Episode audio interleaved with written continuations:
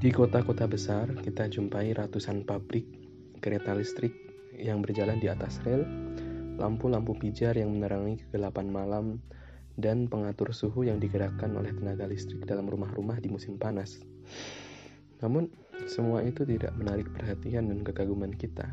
Tidak pula kita berselisih paham tentang berbicaranya lampu, bergeraknya pabrik, dan berjalannya kereta. Mengapa? Ini disebabkan kabel-kabel yang menghubungkan bola-bola lampu, pusat-pusat pembangkit tenaga listrik dari mana kabel-kabel itu bermula, para petugas yang bekerja, insinyur yang menjalankan mesin-mesin dengan segudang pengalaman dalam teknik elektro, semua itu dapat kita saksikan dengan mata kepala kita.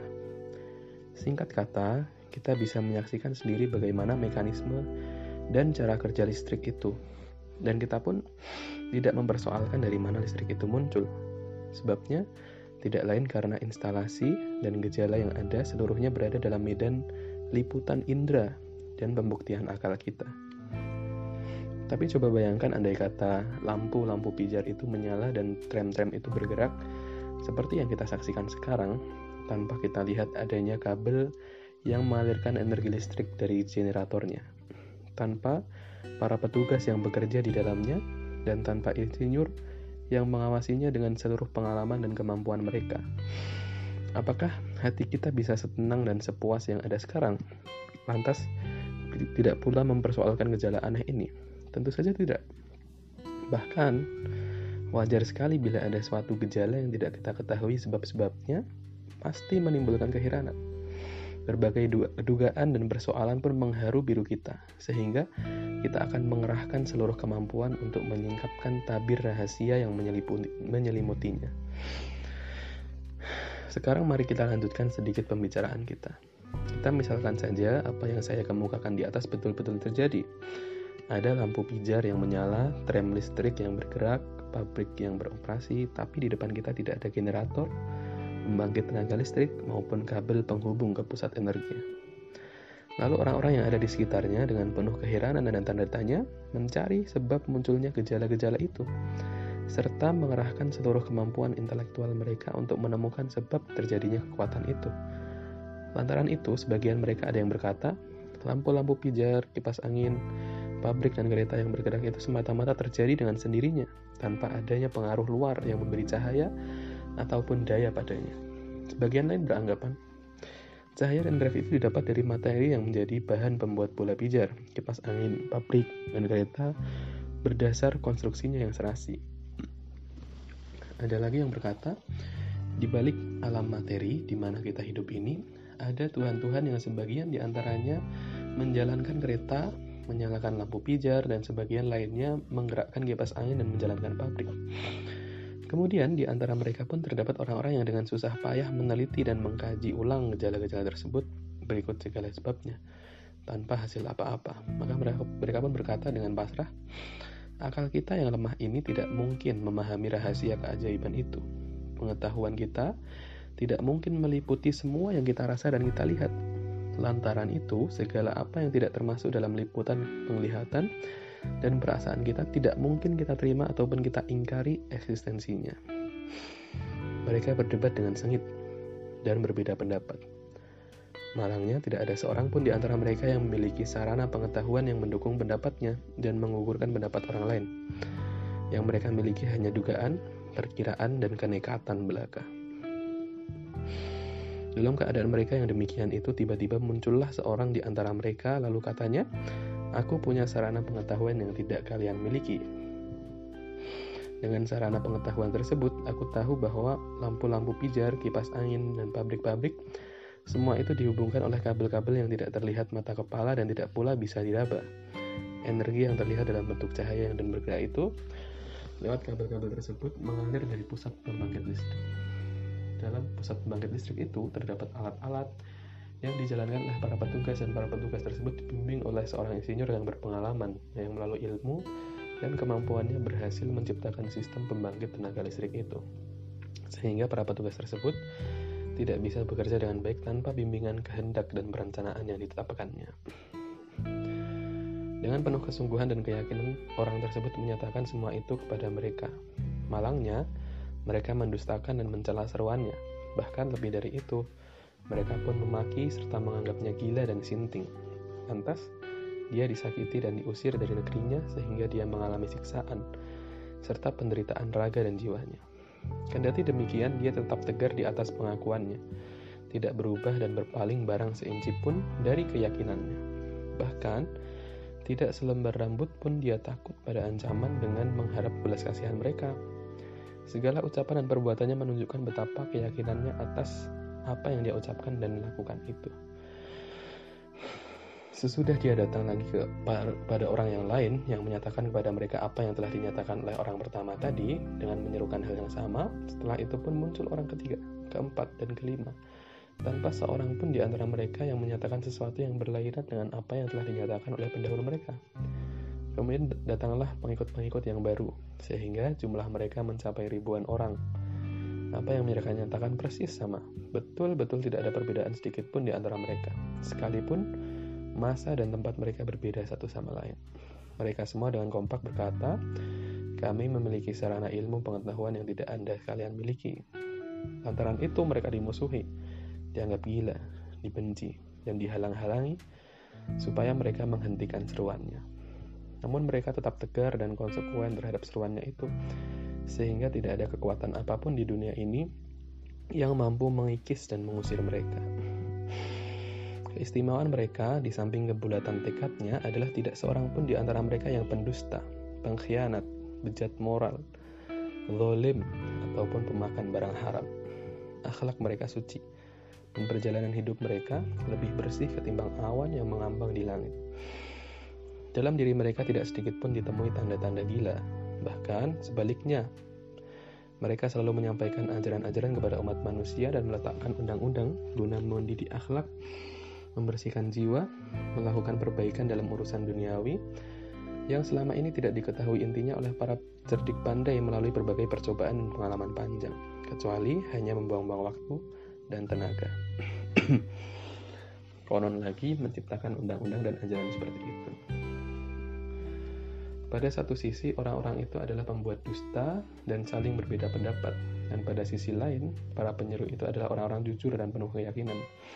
Nah, mari kita angkat persoalan ini ke depan mahkamah akal yang sehat. Adalah kewajiban akal sejalan dengan fungsinya sebagai hakim dalam persoalan ini. Untuk sepenuhnya mengetahui posisi dirinya serta posisi masing-masing pihak yang berlawanan kemudian menengahi keduanya dengan memberi putusan hukum atas persoalan keduanya itu penuh keadilan dan kebijaksanaan.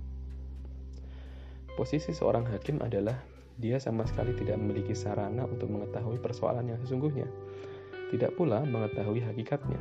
Yang ada di hadapannya hanyalah penjelasan-penjelasan, argumentasi, kondisi individual masing-masing lawan, dan bukti lahiriah yang membuktikan persoalan tersebut. Lantaran itu, seorang hakim tidak bisa memutuskan hukum tentang benar dan salahnya masing-masing pihak, kecuali dengan bersandarkan pada penjelasan, argumentasi, kondisi pribadi, dan bukti lahiriah. Selain itu, dia pun tidak bisa memberi putusan hukum dengan memenangkan salah satu dari kedua lawan tersebut seperti lazimnya yang ada selama ini. Sebab, Konsideran-konsideran yang termasuk di atas lembaran dakwaan tidak bisa dijadikan pijakan untuk menetapkan hukum terhadap persoalan yang terjadi dengan gambaran yang pasti. Seorang hakim boleh saja mengonfirmasikan pendapat salah satu pihak dengan pendapat lainnya, tapi dia sama sekali tidak dibenarkan untuk mendustakan yang satu dan mengiyakan yang lain dengan keyakinan yang pasti. Akan halnya, posisi orang-orang yang mendustakan seruan itu adalah sebagai berikut. 1 Teori mereka dalam memberi batasan hakikat berbeda-beda, tidak memiliki kesatuan pandangan, bahkan sering kali terjadi bentrokan paham antar individu dalam kelompok yang sama. 2. Mereka sendiri mengakui memang mereka tidak memiliki sarana ilmu pengetahuan yang tidak dimiliki orang lain, sementara pernyataan yang dilontarkan sebagian golongan di antara mereka atas dasar analogi tidak lebih kuat ketimbang pernyataan golongan lainnya seakan-akan deduksi yang mereka terapkan hanya didasarkan atas dugaan semata. 3. Keyakinan mereka terhadap deduksi itu tidak dibangun di atas suatu keyakinan dan kepastian yang tidak tergoyahkan. Banyak dijumpai contoh-contoh pergantian dari satu pandangan ke pandangan yang lain. Kemarin salah seorang di antara mereka mengemukakan teorinya dengan penuh semangat dan keberanian. Lantas tiba-tiba saja, hari ini dia menolak teori tersebut dan berpendirian sebaliknya. Lalu dengan menggebu-gebu, mengandurkan teorinya itu seakan-akan teori mereka itu hanya merupakan sasaran pergantian dan perubahan. Sejalan dengan perubahan waktu, pemikiran, ilmu, dan percobaan-percobaan. 4. Mereka tidak memiliki argumentasi untuk mendustakan lawannya kecuali sekedar menyatakan bahwa lawan-lawan mereka tidak bisa membuktikan pernyataannya. Bahwa lawan-lawan mereka tidak mengetahui kabel yang tersembunyi yang disebut sebagai penghubung lampu pijar, kipas angin dan adanya tenaga listrik tanpa melakukan penelitian dan percobaan terlebih dahulu. Mereka sendiri tidak pernah bisa melihat pusat pembangkit tenaga listrik yang tidak pernah uh, melihat peralatan yang terdapat dalamnya dan tidak pernah bertemu dengan para petugas yang bekerja di sana ataupun insinyur yang memimpin para petugas tersebut. Lantas mereka berkata, bagaimana mungkin kami harus menerima kebenaran seruan orang-orang itu? Sementara itu, posisi para penyeru yang penuh keyakinan itu adalah sebagai berikut. Satu, mereka tanpa kecuali sepakat dalam pendirian dan memiliki materi seruan yang sama. 2. Seruan mereka yang seperti itu didasarkan atas sarana pengetahuan yang mereka miliki yang tidak dimiliki oleh orang-orang selain mereka. 3. Tidak seorang pun di antara mereka yang berkata, Segala yang kami jelaskan pada Anda sekalian ini semata-mata dugaan atau perkiraan kami. Tapi mereka semangat mengatakan, antara kami dan insinyur kami terhadap terdapat hubungan yang istimewa dan petugas-petugasnya telah datang kepada kami. Dia telah membawa kami melihat pusat pembangkit itu. Karena itu, apa yang kami katakan kepada Anda ini betul-betul berdasarkan keyakinan, rasio, dan pengetahuan, bukan berdasar dugaan, kedustaan, dan omong kosong. 4. Tidak ada satupun contoh yang membuktikan salah seorang di antara mereka yang telah menyimpang barang seutas rambut pun dalam menyampaikan penjelasannya. Tapi mereka selamanya bersatu kata yang terus diulang dan diulang lagi sejak masa pertama tampil sebagai penyeru sampai akhir hayatnya. 5. Perjalanan hidup mereka betul-betul lurus, akhlak mereka betul-betul baik, tidak sedikit pun pernah ternodai oleh kebohongan, penipuan, ataupun kebatilan. Tidak ada tanda-tanda yang menunjukkan bahwa mereka secara khusus sepakat berdusta dalam persoalan ini. Selain itu mereka adalah orang-orang yang benar dan terpercaya dalam persoalan hidup serta kehidupan. 6. Tidak ada satupun bukti dalam menyampaikan seruannya itu bahwa mereka mencari keuntungan material atau demi kepentingan pribadi. Bahkan yang pasti adalah sebaliknya. Sebagian besar mereka, lantaran seruannya itu banyak yang menemui ujian berat dan penderitaan yang menegakkan bulu roma dan menggetarkan jiwa. Mereka pun dianiaya, dipukul, dimasukkan ke dalam sel, diusir dari rumah dan dirampas hartanya, kecuali beberapa orang, sebagian besar mereka mengalami penderitaan hebat. Bahkan tidak pernah mengenyam kehidupan mewah dan menyenangkan barang sekejap pun. Sungguh tidak masuk akal bila mereka harus dituduh melakukan semua itu demi kepentingan pribadi. Yang ada justru bukti-bukti keteguhan mereka dalam menyampaikan seruannya dengan kondisi seperti ini. Di tengah siksaan dan penderitaan itu mereka tetap memiliki keyakinan penuh dalam menyampaikan dakwahnya tanpa ada seorang pun yang menyembunyikan dakwahnya lantaran takut sama ancaman orang lain. 7. Sama sekali tidak ada bukti nyata yang menunjukkan mereka itu gila atau sinting. Mereka justru orang-orang yang memiliki kekuatan berpikir, ketajaman penalaran, kepekaan akal, dan pendapat yang sehat dalam segala urusan kehidupan. Sehingga musuh-musuh mereka pun mengakui semua itu. Jadi bagaimana mungkin bisa diterima bila mereka harus dikatakan gila dalam menghadapi persoalan yang demikian istimewa ini? Dalam persoalan apa? Dalam persoalan yang tidak ada alternatif lain kecuali mati dalam memperjuangkan seruannya itu. Dan persoalan yang mengharuskan mereka mengesampingkan kehidupan duniawi yang untuk itu mereka diperangi bertahun-tahun. Dan persoalan yang merupakan prinsip dari segala yang prinsip berupa ajaran yang rasionalitasnya pun diakui sendiri oleh orang-orang yang mendustakannya. 8. Mereka tidak pernah mengatakan pada orang banyak kami mampu mempertemukan Anda dengan insinyur itu, memperlihatkan kepada Anda pusat pembangkit yang tersembunyi itu dan meyakinkan Anda terhadap dakwah kami melalui eksperimen serta pembuktian mata kepala. Tapi mereka mengungkapkan semua persoalan tersebut dengan mempergunakan istilah alam gaib dan hanya berkata Percayalah terhadap apa yang kami kabarkan itu Anda dan yakinlah kepada kami.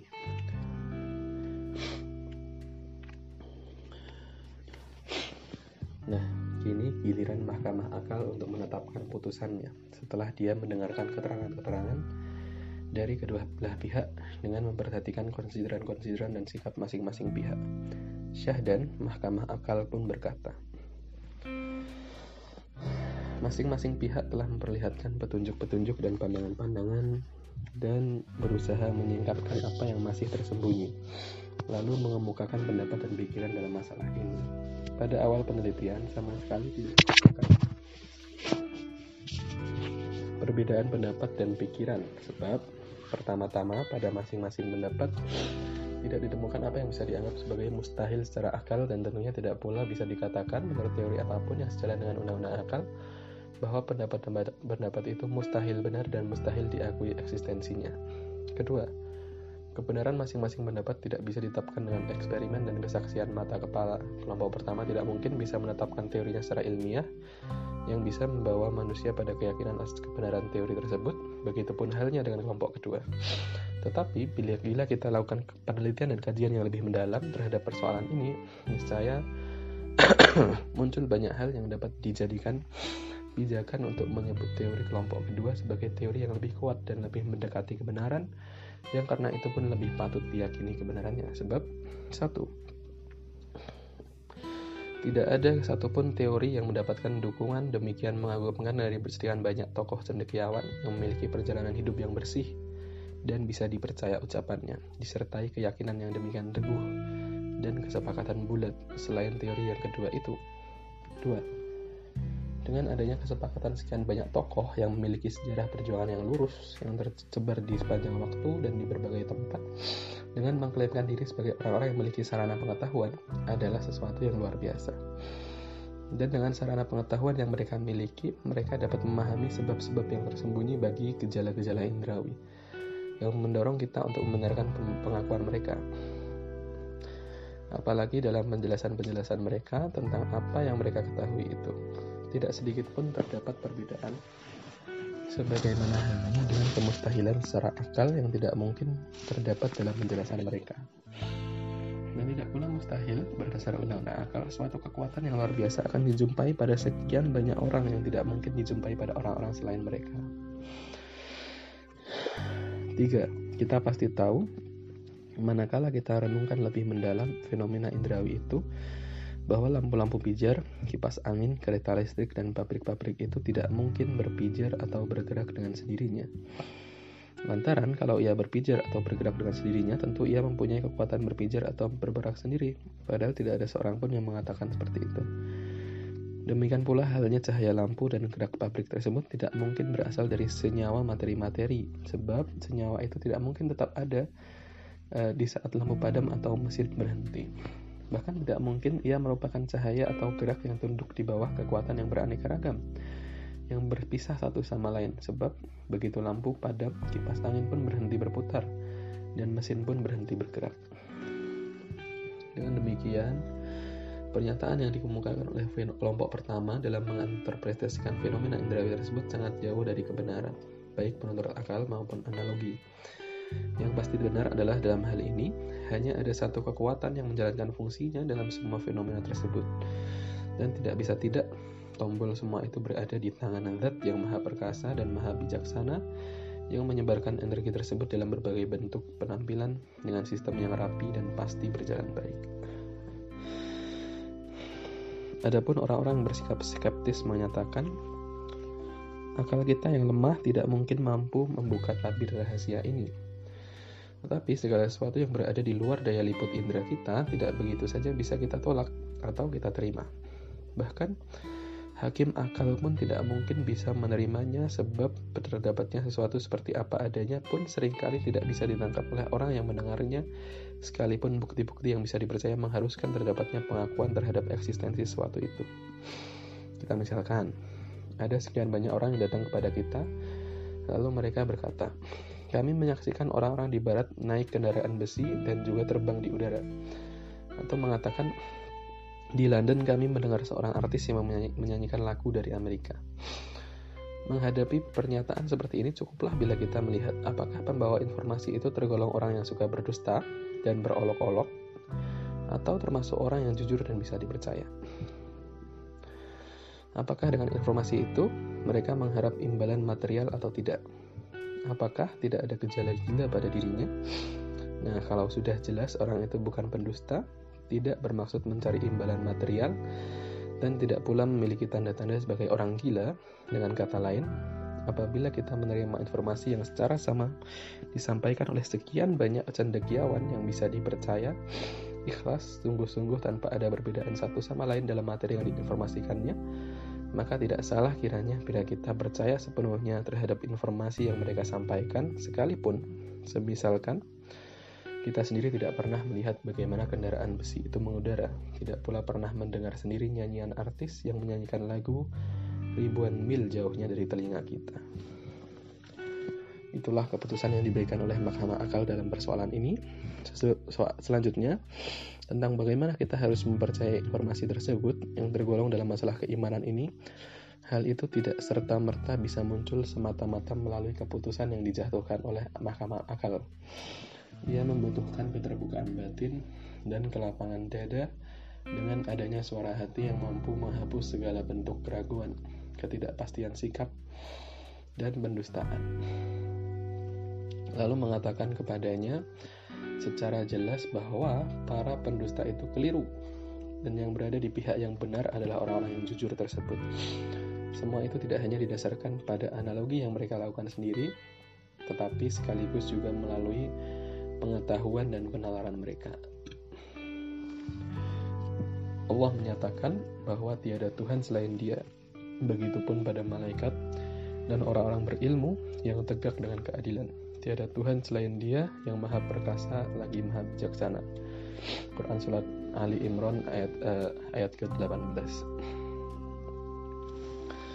Ini tadi uh, makalah yang ditulis oleh uh, Abul A'la Al-Maududi seorang uh, cendekiawan ya di seorang ulama di daerah India Pakistan sana uh, yang itu ditulis pada bulan Desember tahun 1933 Masehi uh, dan membahas tentang bagaimana uh, akal ya itu dihadapkan pada uh, persoalan yang berat tentang iman ya mana yang akan kita percayai.